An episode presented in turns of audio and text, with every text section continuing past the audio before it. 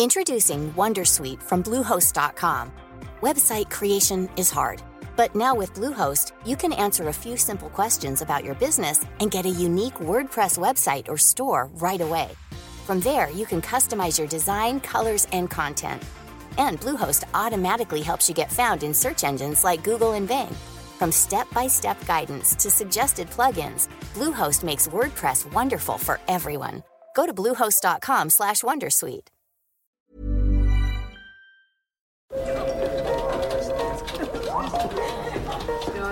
Dette er lyden av norsk næringsliv. Akkurat nå tas det små og store valg som kan bli avgjørende for fremtiden. Med økonomisystemet X-Leger tas disse beslutningene basert på informasjon i sanntid, slik at drømmer og ambisjoner kan bli virkelighet. Få kontroll og oversikt, gå inn på xledger.no. Denne sendingen er sponset av Xleger.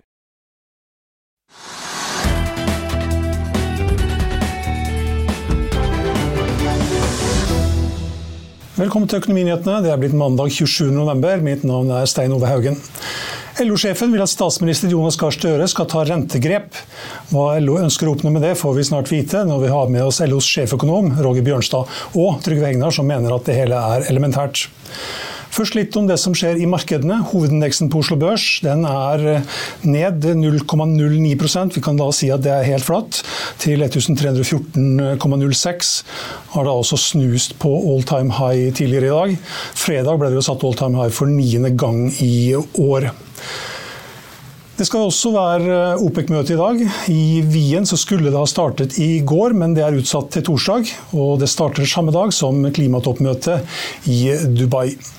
Oljeprisen kan vi ta med også. Den er helt flat på 80 dollar og 10 cent. Kronen den styrker seg litt mot både dollar, euro og pund. 10 kroner og 66 øre koster en dollar nå. Pundet koster 11 kroner og 68 øre, mens, unnskyld, euro, mens pundet koster 13 kroner og 47 øre. Oljefondet for øvrig det er på 15 600 milliarder kroner. I Europa så er det litt ned. Det er ned 0,2% i London, 0,1% i Frankfurt. Det er flatt i Paris. Det er også flatt i Milano. Det er opp 0,3% i Madrid. Og Stox 600 den er ned 0,1% På børsene i New York ligger det an til å åpne litt ned ja, helt marginalt. Dow Jones her indikerer futures at den vil åpne ned 0,1% For SMP 500 likeså, mens Nasdaq den ser ut til å kunne åpne helt flatt. Bank Accept melder ifølge NTB at handelen på Black Friday endte ned 3% i år mot eh, samme dag i fjor. Totalt ble det handlet for 3 milliarder kroner. Samtidig overrasket detaljhandelstallene for oktober. SSB meldte nemlig om en oppgang fra september til oktober på 0,6% mens det var ventet en nedgang på 0,2% ifølge DNB Markets. Oppgangen kommer etter tre måneder med nedgang, og ser vi på årsbasis er detaljhandelen i oktober ned 2,5% fra samme tid i fjor.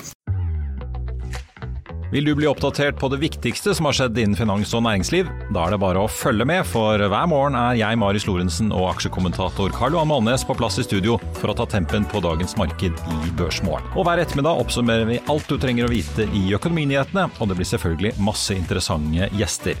Klikk deg inn på fa.no-tv, eller søk opp Børsmorgen og Økonominyhetene der du hører på podkast.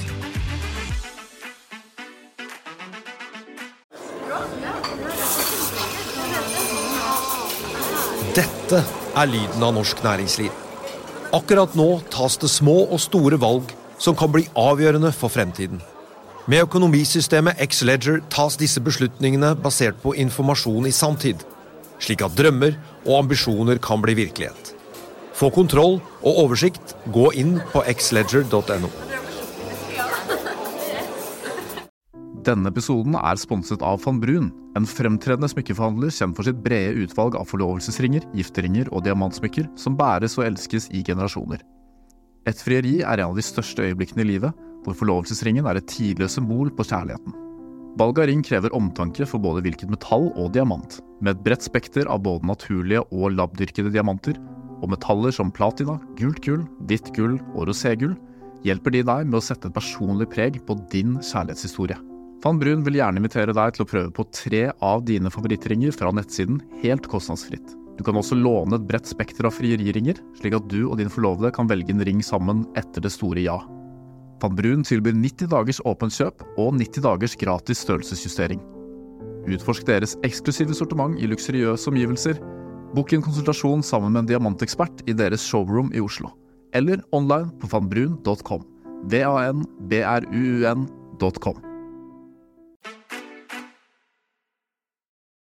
Da skal vi rett på dagens gjester. og Nå skal vi ønske velkommen til eh, både LOs eh, sjeføkonom Roger Bjørnstad og eh, sjefredaktør i Finansavisen Trygve Hegnar. Og LO-toppene har igjen gått til angrep på Norges Banks rentemedisin og mandatet til sentralbanken, men har de et poeng, eller fyrer man bare opp i misnøyen som kan true viktige institusjoner i norsk økonomi? Velkommen Trygve, og velkommen til deg, Roger. Takk. Dere angriper Norges Bank og sier at eh, ja, de setter opp renten for fort. Hva skulle de ellers ha gjort? Nei, altså Vi har ikke noe virkemiddel mot uh, den importerte inflasjonen i Norge. Det er ikke noe vi kan gjøre for at uh, Eh, matvareprisene internasjonalt stiger, strømprisene i Norge stiger, med mindre vi har lyst til å kutte kablene til kontinentet. da. Eller, eh, eller forsyningskjedene etter pandemien har eh, stoppet opp eller vært mer kostbare. Dette er forhold i internasjonal økonomi som vi har valgt å utsette oss for, i og med at vi er en liten, åpen økonomi med høy grad av import og høy grad av eksport. Hvis vi skal bruke renten, som er et virkemiddel som, som rammer innenlandsøkonomien, så vil det være å gjøre vondt verre i en sånn situasjon. Eh, så vi har bedt om at innenlandske forhold må telle mer med i eh, vurderingene til Norges Bank. Ja, og Hva mener du Norges Bank skal gjøre da? Det er klart at når vi kom ut av pandemien, så hadde vi høy aktivitet i norsk økonomi, og renten var på et veldig lavt nivå. Det var riktig å øke rentene som man hadde planlagt. Men eh, så kom den internasjonale inflasjonen inn til Norge, og da, eh, da økte rentene mye og fort. Eh, og det var vi uenig i, og det mener jeg er skadelig for norsk økonomi. Og vi har også en lønnsdannelse som håndterer internasjonal inflasjon inflasjon på en helt utmerket måte, og den må få lov til å virke. Det er det som er virkemidlet vårt mot at uh, internasjonal inflasjon skal feste seg i Norge. Men Hva mener du med at eh, Jonas Gahr Støre, statsministeren, må ta rentegrep? Nei, jeg tror ikke vi har brukt eh, det begrepet der. Eh, men eh, det er klart, hvis Norges Bank ikke tolker mandatet sitt på den måten vi mener er mest fornuftig for norsk økonomi, så er det opp til regjeringen gjennom forskrift eller Stortinget som må presisere det mandatet. Og det er nettopp den presiseringen vi har bedt om, for å legge mer forhold på norske forhold, istedenfor at norske husholdninger og norske lønnstakere skal rammes dobbelt av en økt internasjonal internasjonal inflasjon. Trygve, er det noe vi kan gjøre med det her? Hva, hva tenker du om LOs utspill? Jeg tror det var uklokt. og jeg tror også Det ble sagt, for det er sitert ganske mange steder i pressen, hvor da LO-sjefen sa det at hun mente at Stoltenberg burde ta rentegrep. Det burde hun kanskje ikke sagt fordi at Ikke Stoltenberg, men eh, nei, Støre. Støre, Gahr Støre sa at, at, at, at eh, Gahr Støre måtte ta et rentegrep. Og det er litt vagt. Hva menes med det, liksom? Men det, det, går jo på det at hvem som skal styre pengepolitikken. Og vi vet at det er Norges Bank som har pengepolitikken. Og det er Norges Bank som har fått et mandat fra regjeringen eller Stortinget. Øh, og de gjør så godt de kan. Og vi har klart at vi har et ganske høyt rentenivå nå, øh, med styringsrente på 4,25 som da øh, sentralbanken har sagt skal bli 4,5 når vi kommer til desember. Det er ikke mange dagene til. Så det vil si at det ligger jo i kortene, hvis det ikke er en endring, at vi får et høyere rentenivå enn det vi har i dag. Om veldig kort tid. Og det smitter jo opp alle andre renter, så uten å gå inn på det, så da får man, et, får man kanskje et høyere rentenivå i Norge innen investeringer og forbruk og overalt i bankvesenet. Så, så, det er ikke bra. Men det, det jeg reagerte på, var egentlig at LO-sjefen var så uforsiktig å si det hun, det hun gjorde. For da kunne man på en måte få en politisk debatt. Da. At folk tenkte at nå kan vi diskutere liksom, hvordan, hvor, skal, hvor skal renten ligge nå? Og liksom, Skal vi da endre mandatet åpent eller stille, eller hva skal man gjøre med det? Og det er en ganske pussig ting at Norges Bank har på en måte til en viss grad endret mandatet litt. Ved at de da, Når de blir spurt om hva som er målet, så sier de at ja, vår, vår politikk er en stabil, lav rente, nei, inflasjon på rundt 2% Stabil på 2 Eh, Men vi tenker selvfølgelig på alle men når vi har møter, så tenker vi på andre ting, og vi ser på mange andre ting, og vi legger sammen mange faktorer for å komme frem til den endelige, rentebeslutningen. Men vi har, vi har et mandat, og det er liksom da et lavt eh, inflasjonsnivå på 2 og det, Hvis man blander liksom plutselig LO inn i det, hele Arbeidsgiverforeningen eller politikerne på Stortinget, så blir det feil. Fordi det er jo alltid 100 faktorer å ta hensyn til hvis man setter sette rentenivået. Og hva som er det riktige, det vet man jo ikke. Man må ta en sjanse på liksom hvordan vil det gå. Og akkurat nå så mener LO, det, det kan jeg faktisk forstå, det at liksom, vi kunne kanskje hatt en annet eh, ledighetsnivå enn hva ligger det på nå, rundt 3% eller noe sånt nå. Kunne, ja, det kunne kanskje vært litt annerledes hvis man hadde hatt da liksom ikke så, så i, i en stram rente, rentepolitikk. Men det vet man ikke noe om. Og så, og så, så har jo da LO rett, og, og, og motparten har jo også rett i det at det er åpenbart, altså alle, alle vet jo det, Man behøver ikke være økonom for å se det at liksom en del av prisveksten kommer da fra import. Det er jo åpenbart. Det skjønner man, men liksom hvor mye, det er ikke helt så sikkert. Og så er det andre faktorer, som alle vet, at det er andre faktorer som påvirker hvilken grad, hvilken grad vi får da lav eller høy lønnsvekst her i landet. Det er, det er også da hvilken lønns... Altså hvor store tillegg vi gir i lønningene. Det er liksom hva er produktivitetsveksten osv. Det, er ikke- det er ikke slik at all prisvekst i Norge kommer av import, importert import, import, prisvekst. Sånn er det jo ikke. Det, er, det, er vi helt, det er sikkert vi er enige om. Det er ikke det. Nei, vi er ikke, vi er ikke enige i det, Trygve. Nei, all prisvekst kommer ikke fra, i, Norge kommer ikke fra utlandet. Jo, altså i 2022, når prisveksten rammet oss, så kom eh, alt fra utlandet. Norsk inflasjon eh, lå på 1,9% altså nesten akkurat på inflasjonsmålet i 2021. Så økte strømprisene, som eh, er prissmitte fra kontinentet. Og så økte alle andre priser. Og i 2022 så reduserte da norske produsenter sine priser helt til, ned til 1,3% Så norsk inflasjon er det ikke. Norske bedrifter har tatt også en kostnad sammen med norske husholdninger for å bære noe av kostnaden ved den økte importerte inflasjonen. Og dette handler ikke om retorikk, det handler ikke om ordbruk. Dette handler om at vi har advart mot denne politikken lenge. Og det finnes flere institusjoner i den økonomiske politikken enn Norges Bank, f.eks. frontfagsmodellen eller lønnsdannelsen. Eh, og vi Det er en veldig god modell. Det er enig. Ja, ikke sant? Og den, dens oppgave dens Sørge for at det ikke lønnsnivået blir for høyt. Dens oppgave er å bringe internasjonal inflasjon inn til Norge. Fordi vi konkurrerer med utlandet. Da må vi ha den samme inflasjonen i Norge. Og det gjelder ikke bare på den ene siden, det gjelder på begge sider av inflasjonen. Vi skal ikke ha høyere inflasjon i Norge nei, enn utlandet. Vi skal heller ikke ha lavere. Og eh, det er klart Når internasjonale priser stiger så masse, så er det en kostnad for Norge i form av høyere importkostnader. Men det er også en gevinst for Norge i form av høyere eksportinntekter. Men, men, men, nå, men nå ser Og de eksportinntektene de skal også selvfølgelig arbeidstakerne ta del av. Så det er klart at den delen som kommer fra norske eksportinntekter inn til norsk lønnsvekst, det er også noe vi må akseptere. Ah, Hvis ikke så blir vi en ulikhetsmaskin. men, men jeg, jeg, jeg kjøper del, delvis argumentasjonen, men Norges Bank sier jo det at altså, med et prisnivå, prisnivå på 4% som vi har nå, da, og, kjerneinflasjon på 6 det er et høyt prisnivå for tiden. Men når de sier at det at den eneste måten å liksom få det i sjakk på, eller få det bedre på, eller få det ned mot målet, men det skal man jo, man må ha et mål, og målet skal vi nås på et eller annet tidspunkt. Og det er to, så må vi på en måte demme mer opp for aktivitet i Norge. Det er for høy aktivitet, og det splitter liksom gjennom alle leddene i alle økonomi, sier man. Og, og, og, og, lønnsveksten blir for høy, sier man, sier man. Det er ikke meg, det er Norges Bank som sier det. men, men dette er vi da dypt uenig i. Det er som å ha en fot i en bøtte med varmtvann og en fot i en bøtte med kaldt vann og si at i gjennomsnitt så er det bra. Altså Når inflasjonen kommer fra hvis utlandet, hvis, hvis du skulle være diktator nå Roger, hvis, hvis du skulle være diktator nå, bare ta det. Hvis du skulle være diktator og kunne bestemme det, det, kan, det, det, vil, det vil du ikke få lov til. Men, og du ser at prisveksten er 4 og kanskje det går ikke ned, den blir liggende på 4 eller, Ja. og så, og så kan du gjøre hva du vil, men du skal ha den ned i to. Fordi er, det er liksom... Ja, men da må jeg først ha et virkemiddel. Hvis jeg ikke har et virkemiddel til det, så kan jeg ikke forfølge det Du har renten, det har du, det står deg Nei, fritt å men bruke. Men renten virker ikke på utenlandsk inflasjon, så det virkemidlet virker ikke. Ikke på hele greia, det er riktig. Nei. Så det virkemidlet, det virker innenlands. Og hva er det som har skjedd innenlands? Jo, forbrukerne, husholdningene, lønnsmottakerne har gått kraftig ned i kjøpekraftsvekst. Eh, Vi har hatt negativ kjøpekraftsvekst eh, siden prisene økte.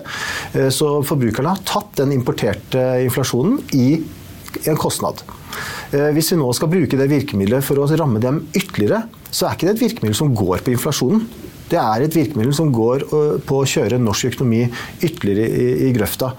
Og det er ikke et virkemiddel som er Men, men egnet til å nå grøft og grøft, grøft, grøft altså, Ledigheten er litt over 3 da. Det er ikke grøft akkurat. det er jo Nei, men øh, det, ledigheten har økt. øh, det skal jo, det skal jo Men nå snakker vi om den som SSB måler, ikke sant? Ikke den som Nav måler, som er 1,8% det er, de- alt fra liksom helt ledig, delvis ledig for tiltak og hva det måtte være, så ligger det mellom som du sier, mellom 1,8 og Men, men, 3,6. men vi må, jo høre på eh, hva Norges Bank sier og hva de prøver å gjøre. Og de prøver å bruke renta for å redusere aktiviteten i norsk økonomi. Og, øke ledigheten. ja. og så har ledigheten ikke økt så mye, fordi bl.a. at krona har svekket seg, og det virker ekspansivt, og det er andre grunner. Men den virker allikevel gjennom husholdningenes inntekter, og husholdningenes inntekter er det som blør nå. Det er, hvis vi nå i tillegg får økt ledighet, så er det en trippel byrde på eh, husholdningene.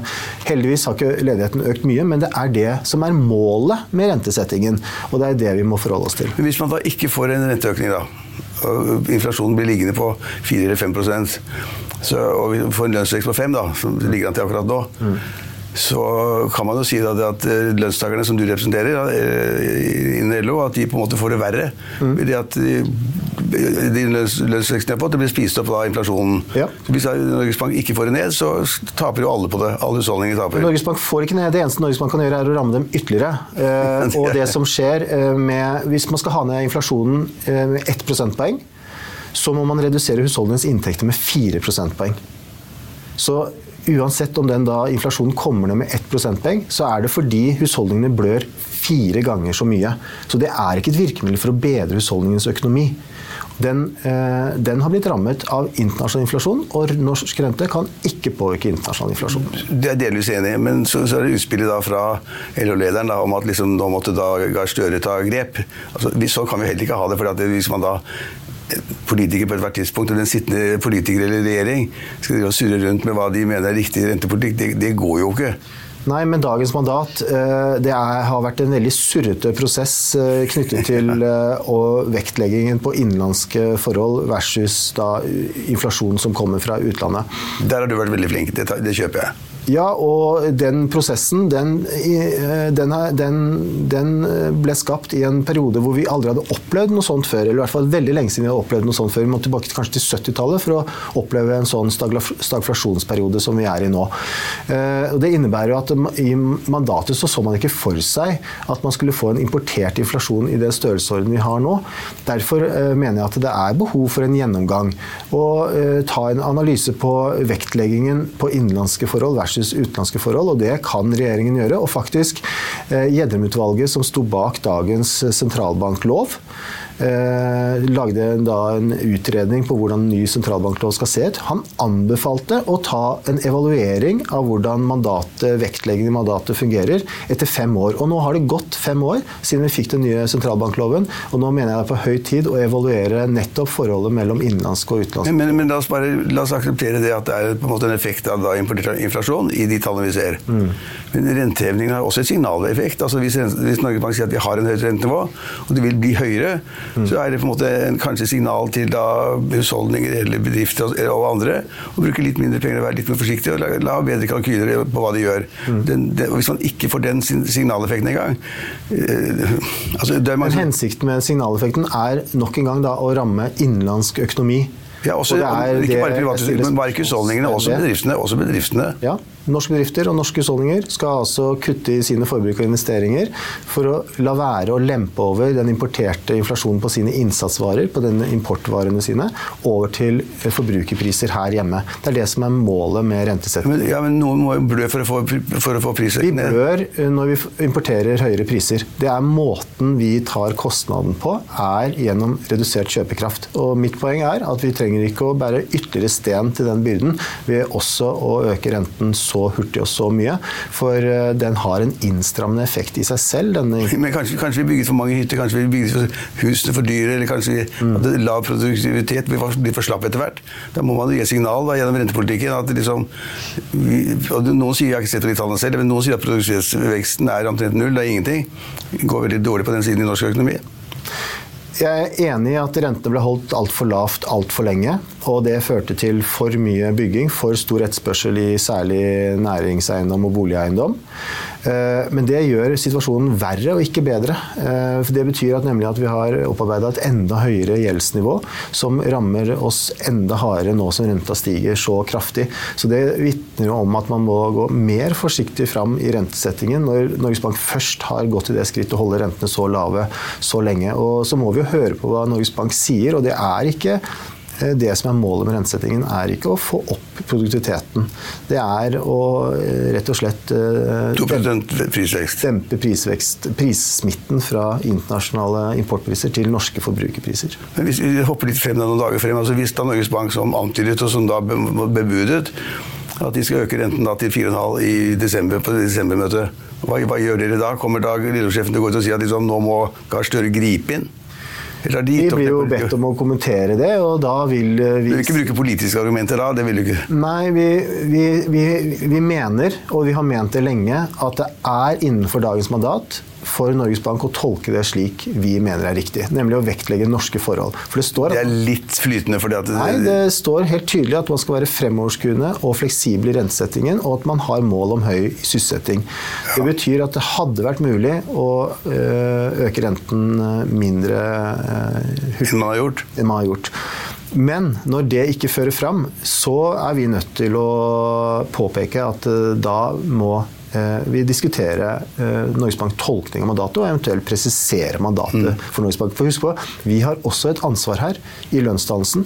Hva skjer når våre Kanskje, lønns, kanskje lønnsveksten er for, er for stor? Det man... Men det, det, da, da, fordeler ikke vi verdiene riktig. Fordi, Nei, det, er, fordi det er store overskudd i særlig konkurranseutsatt industri. Og hvis eh, arbeidstakerne som nå ikke har hatt reallønnsvekst på sju år, skal la eierne, lederne og de med bonusavtaler stikke av gårde med de pengene, da har ikke vi støtte for frontfagsmodellen lenger. Da har ikke vi støtte for den eh, ansvarlige lønnsdannelsen lenger. Da får vi gule vester i gatene.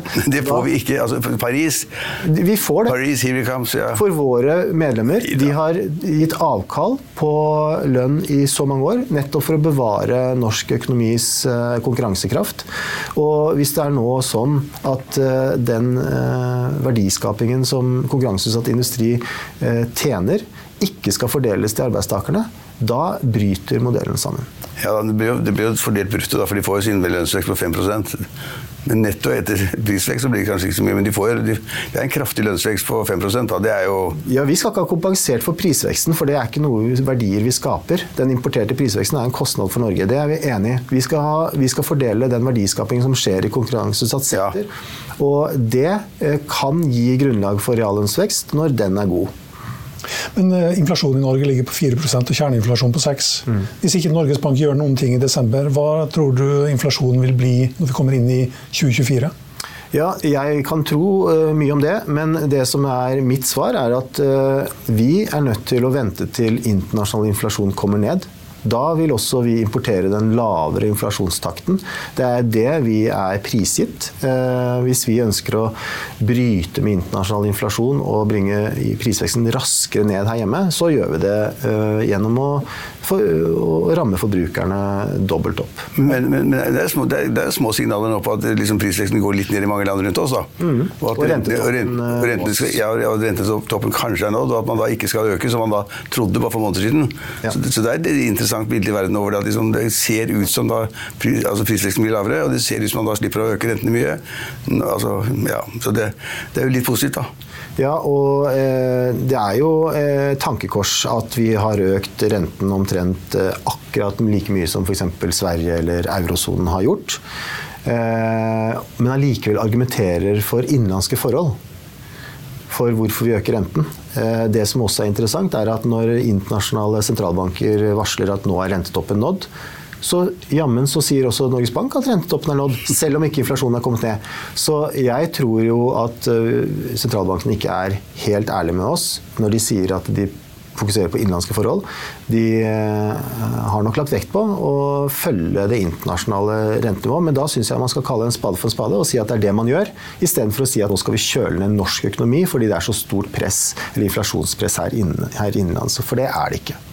Kronen er svak, og noen har tatt til orde for at eh, oljefondet, eller de som styrer oljefondet og Norges Bank kanskje skal bruke det til å utjevne svingningene. Hva tenker du om det? Ja, jeg tror det er på høy tid å, eh, å debattere også dette. Og jeg er nok tilhenger av at vi skal intervenere i i valutamarkedet for å stabilisere kronekursen. Det har Sverige gjort, og derfor har svenskene nå fått en styrking av sin krone eh, og, mot norske. Eh, og jeg tror også at eh, Norges Banks krone kjøp eh, har vært for, eh, for små og, og bidratt til kronesvekkelsen vi har. Vi har en sånn lang liste over da, hvor jeg har notert ned hva politikere mener man skal gjøre med oljefondet. Altså, nå, var det 100 milliarder i oljefondet som skulle brukes til sånn interveringspenger. Og så er det andre spesielle næringer som skal da få penger. Batteripengene skal komme fra oljefondet, og så skal du sette av en slump på 50 milliarder her og 30 milliarder der. Og så er det krigen i Ukraina som skal liksom altså, vi, vi kan jo ikke bruke oljefondet på den måten. Det går jo ikke. For at det er vekslende politiske ledere. De har forskjellige oppfatninger, forskjellige holdninger og forskjellige interesser. Og da ville man få et, et, altså, Nå går liksom forvaltningen av fondet ganske bra. Da, hadde vært heldig med verdenskonjunkturen og utvikling på børsen osv. Men det er jo en kjempespekk liksom, hvis man da skal få det inn i politisk bilde. Altså, det, det, kan ikke LO mene heller. Det, Nei, altså, Sverige har ikke noe oljefond. Eh, vi har valutareserve. Det er valutareservene vi er nødt til å bruke til dette formålet. Men når vi har et oljefond, så betyr det at Norge har eh, stor eh, troverdighet i internasjonale valutamarkeder. Selv om eh, vi har en valutareserve og kan trekke på andre lands trekkrettigheter for at den valutareserven kan bidra til å forsvare kronekursen hvis det er nødvendig. Hvis du hadde vært sentralbanksjef nå, hva ville du gjort? Ja, nå så ville jeg presisere Bare to uker til. Ja, jeg ville i hvert fall holdt renta uendret. Men eh, jeg ville eh, presisert at eh, vi legger stor vekt på innenlandske forhold i rentesettingen. Og at vi har en lønnsdannelse som holder inflasjonen i sjakk når den virker som den skal. Og at det er noe Norges Bank bygger opp under. Så jeg ville nok signalisert en tolkningsendring av mandatet. Det, det, det, som er litt fint, hvis man beholder renten høy, det er et elementær filosofi, det også. Det er, da, da vil jo da interessen for norske kroner øke, slik at det liksom kommer mer kroneetterspørsel til Norge. og vil, da, da vil, kursen, da vil kronekursen øke. Det er fint, for da blir det jo billigere importvarer. Ja, Det er ikke noe tvil om at eh, svak krone er et, en utfordring. Eh, Rent... Nei, men det, det, mange, mange hevder liksom i valutafilosofien at det er rentedifferansen som avgjør. Så Hvis Norge holder renten høy og de andre begynner å senke, så får vi da få en sterkere krone. Det er fint. Ja, altså Rentedifferansen har eh, litt effekt, men vi har også andre valutateorier. Og det er også ytterligere forhold som skaper store svingninger i valutamarkedet som vi ikke vet så mye om. Det er jo store porteføljespekulasjoner eller endrede ja. porteføljer som bestemmer bestemmer valutamarkedet. og Rentedifferansen betyr relativt lite.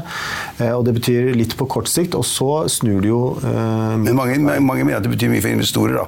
Altså Valutaspekulanter, hva man vil kalle det. Ja. Tradere de, sier, de ser på rentedifferansen. og hvis da, Jeg tror ikke det skjer, det skjer men hvis da norske, hvis norske rentene skulle bli vesentlig høyere da, enn de landene man sammenligner med, enten det er noe innen EU, eller det er USA, eller Storbritannia eller Sverige, så vil jo det kanskje føre til en høyere kronekurs. Ja, det, det, vil nok lite grann, eh, men veldig lite. Og det kan ikke forklare den kronesvekkelsen vi har i dag. Vi har fulgt euro-rentenivået ganske tett. Selv om Storbritannia og USA har litt høyere rente enn i Norge, så har vi også svekka oss kraftig mot, mot euro. Eh, de har vi, men det var en analytiker, har gjort det samme. Det var en analytiker som gikk ut og sa det at i Finansavisen var det at eh, han spådde en kraftig økning i kronekursen de kommende månedene. Kraftig. Kroner 50 øre. Det som er med denne rentereferansen, den heter jo udekket renteparitet, denne teorien her sånn, den sier jo at hvis det er en rentedifferanse på 1% så skal eh, krona umiddelbart svekke seg, sånn at den kan styrke seg med 1 neste året. Mm. Så det er veldig små forskjeller vi snakker om når vi, når vi snakker om rentedifferanse versus de store, store svingningene vi nå har, eh, har opplevd. Men du, altså, er, du, sitter så sentralt i LO og gir råd til sjefen av hva de skal si oss hvordan man skal tolke tingene. Men hva er det største problemet vårt nå, liksom? Vi, altså, Bortsett fra den importerte inflasjonen som du er veldig opptatt av, og er opptatt av, men altså, hva er det største problemet akkurat nå? Nei, vi, vi, har jo mange utfordringer knytta til å inkludere flere i arbeidslivet og få sysselsettingen opp. Det er stort frafall på skolene. Det er, det er, vi trenger et sterkt arbeidsmarked for å inkludere flere, og det er jo vårt hovedproblem. Med at sysselsettingen og ledigheten blir brukt som et virkemiddel for å få inflasjonen ned. Isteden skulle det vært et mål. Arbeiderpartiets mål er jo arbeid til alle, og full sysselsetting er jo det overordnede målet for økonomisk politikk i Norge. Men i dag så er det altså sånn at sentralbanken dikterer også hvordan finanspolitikken skal brukes, fordi ingen tør å skape noe ytterligere press i norsk økonomi, sånn at sentralbanken skal øke renta ytterligere. Så, så her har vi faktisk snudd opp ned på mål og virkemidler i, i Norge. fordi virkemidlet vårt mot inflasjon, det, det er lønnsdannelsen. Det er, du får ikke inflasjon i Norge uten at det går gjennom lønnsdannelsen, og den har vi organisert sånn at vi ikke skaper innenlandsk inflasjon, eh, men eh, tilpasser oss internasjonal inflasjon. Men nå, skal, nå, har vi ikke tid til det, for det blir et helt eget tema, men det er, det er, det er interessant det som skjer med lønnsdannelsen i Norge. og det og, eh, frontfagsmodellen som vi har. for det gjør det at så, Sånn som vi har den i dag, da, så betyr det uten å ta det langt mye tid på det, men det betyr egentlig det at de som har, mener selv at de har en veldig lav lønn, enten lærere, sykepleiere, hjelpepleiere eller jordmødre, hva det måtte være, som har en lav lønn og som får knappest øker i det hele tatt, de kommer aldri à jour med de andre. De blir liggende bak, for de kan aldri ta igjen noe som helst. Det Er ikke det et problem? Vel, Da har det i så fall vært et problem i historien. Eh, og det er jo muligheter innenfor eh, også norsk lønnsdannelse at eh, enkelte grupper prioriteres. Men da det, er ikke mye, det er ikke mye. Nei, det, er, det, er, det er rigid, og det er, det er rigide strukturer. Men, men, det vi gjør, er jo å ta særegne maktforhold ut av lønnsdannelsen. I hvert fall prøver i en viss grad å gjøre det. Sånn at hvis det er lærermangel eller sykepleiermangel, så er det ikke derfor lønningene skal øke, selv om de bruker argumentet som at de har lav lønn. For vi ønsker jo ikke at lønn skal bli et konkurransevirkemiddel, for da får vi lønns-lønnsspiraler og bringer norsk inflasjon eh, oppover. Eller vi mister konkurranseevne, og bedriftene er nødt til å by over seg. Eh, fordi Sykepleierne og lærerne kommer til å forbli lavtlønnsgrupper uansett? Ja, ja det, jeg skal ikke si verken at sykepleierne er høytlønte eller lavtlønte, men uh, Eh, de har, fått, de har fått samme lønnsutviklingen eh, som andre. Så, Men de tar alle igjen etter det er et etterslep? da? Sånn. Ja, vet ikke. Var det, var, det, var det, urettferdige lønnsforskjeller eh, for 20 år siden? Ja, det husker jeg ikke, faktisk. Men jeg, men jeg syns det er interessant at altså, vi, vi, vi, har, vi har sannsynligvis en ganske smart måte å gjøre dette på i Norge, med, da, med, med frontfagsmodellen og måten man har oppgjøret på. Det, jeg tror det er ganske smart. Men det er, det er mange, mange lønnsgrupper som ikke skjønner at man, da er man også litt stuck. Litt. Er, du, får ikke, du, får ikke, det beste i godene hele tiden. Nei, altså Individuelt så er man ikke stuck, men uh, i hele tariffområdene de er i stor grad bundet til ja, altså, industrien. Og, men det, det er, jeg snur det på hodet, fordi at uh, Norsk industri er verdens mest produktive industri. Vi er mest eh, kapitalintensive industri. Vi er den mest råvarebaserte industrien i verden. Eh, vi altså, genererer altså store verdier i norsk industri. Og takket være frontfagsmodellen så eh, drar også lærere og sykepleiere og alle andre i offentlig sektor nytte av denne mest produktive industrien. Jeg hadde vært superglad hvis jeg hadde jobbet i offentlig sektor og fikk en lønnsinntekt ut fra verdens mest produktive industri. Det er en genial modell som fordeler verdiene rettferdig. Men du får da et prosenttillegg på en veldig lav lønn, da, så det blir ikke rare greiene? Vel, de ligger omtrent på industriarbeiderlønn, så det ja, ja, ja, men det blir ikke mer heller, da. Hvis de mener at de ligger langt, langt bak, som de sier hele tiden. Ja, altså Hva som er rettferdig lønnsnivå og ikke vekst, ja. det kan vi debattere til vi blir grønne. og Det er et veldig subjektiv oppfatning. Det som er resultatet av en sånn type debatt, det er at maktforhold i arbeidslivet avgjør om du er høytlønt eller lavtlønt.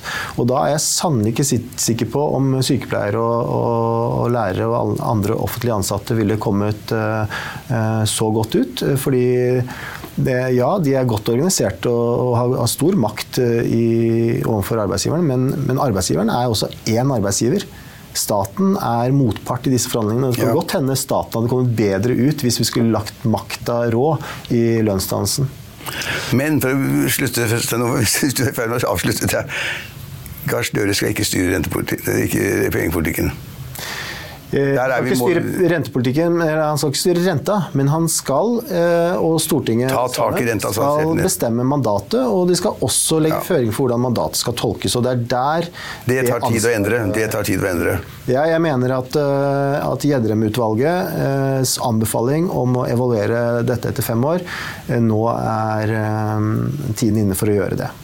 Helt til slutt, eh, Roger. Hvor lenge skal Norges Bank sitte stille i båten og vente på at den utenlandske, importerte inflasjonen kommer ned?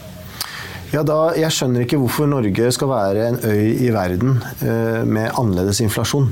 Eh, det må være for å ramme norsk industri, nei, norske arbeidsplasser og, og norske bedrifter. Så uh, svaret på det er så lenge vi har en høy internasjonal inflasjon, så må også vi takle det her hjemme. det er bra. ja. Er du enig, Trygve? Ja, ja, ja, altså, ja jeg, jeg, tror det er veldig vanskelig å endre mandatet i Norge. Det er prosesser som vi ja, Det får man ikke til. Og så må man se på det som skjer internasjonalt. Det må, det må man gjøre. Og det kommer man ikke utenom. Og så, og så, er det slik at jeg da ser at Norges Bank kommer til, de kommer til å styre den der eh, økonomien i Norges aktivitetsnivå så, så, kraftig at de kommer til å få da inflasjonen ned på 2-3 og det, det tror jeg de kommer til å bli. Og om de kommer samtidig med andre land, det vet jeg ikke, men de kommer dit. Tror du Ida Wolden Bakke hører på Roger? Ikke når det gjelder mandatet. det gjør hun ikke, men, men, men, det kommer for lite frem stort sett hver gang det er renteøkninger eller rentesenkninger, at de sier at de tenker, det er andre elementer enn bare liksom, prisveksten som teller. Man ser på sysselsettingen, man ser på økonomiaktiviteten generelt. Det gjør man jo. Jeg tror de gjør det når de sitter i møte. Jeg har ikke vært der i penger, når det er pengekomité-møter. Jeg har ikke vært der, men helt åpenbart at de skriver mange forskjellige ting, og at de har mange gode slides og forteller mange ting. Men det ender opp med at hovedelementet er prisveksten. Og rentemøtet er 13. og beslutningen får vi vite den 14. desember. Tusen takk skal du ha, Trygve, og takk til deg, Roger. I Finansavisen i morgen kan du lese Trygve Egners leder om at Støre står og faller på økonomien, altså statsministeren vår. Du kan lese hvorfor ABGs Jon Olaisen tror to av de største oljeselskapene på norsk sokkel kan komme til å slå seg sammen. Og så kan du også lese om hvorfor det er krise hos flere av DNBs kunder, men ikke i selve banken. Det var det vi hadde i dag på Økonominyhetene. Men husk at vi er tilbake med Børsmorgen i morgen klokken 8.55. Og deretter med Økonominyhetene igjen klokken 14.30. I mellomtiden får du alltid siste nytt, minutt for minutt, på finansavisen.no. Mitt navn er Stein Ove Haugen. Takk for at du så på eller hørte på, og håper du er med oss igjen i morgen også.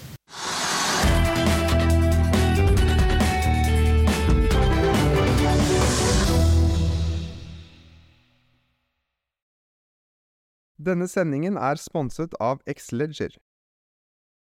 Økonominyhetene er en podkast og videoproduksjon fra Finansavisen. Programleder er Marius Lorentzen.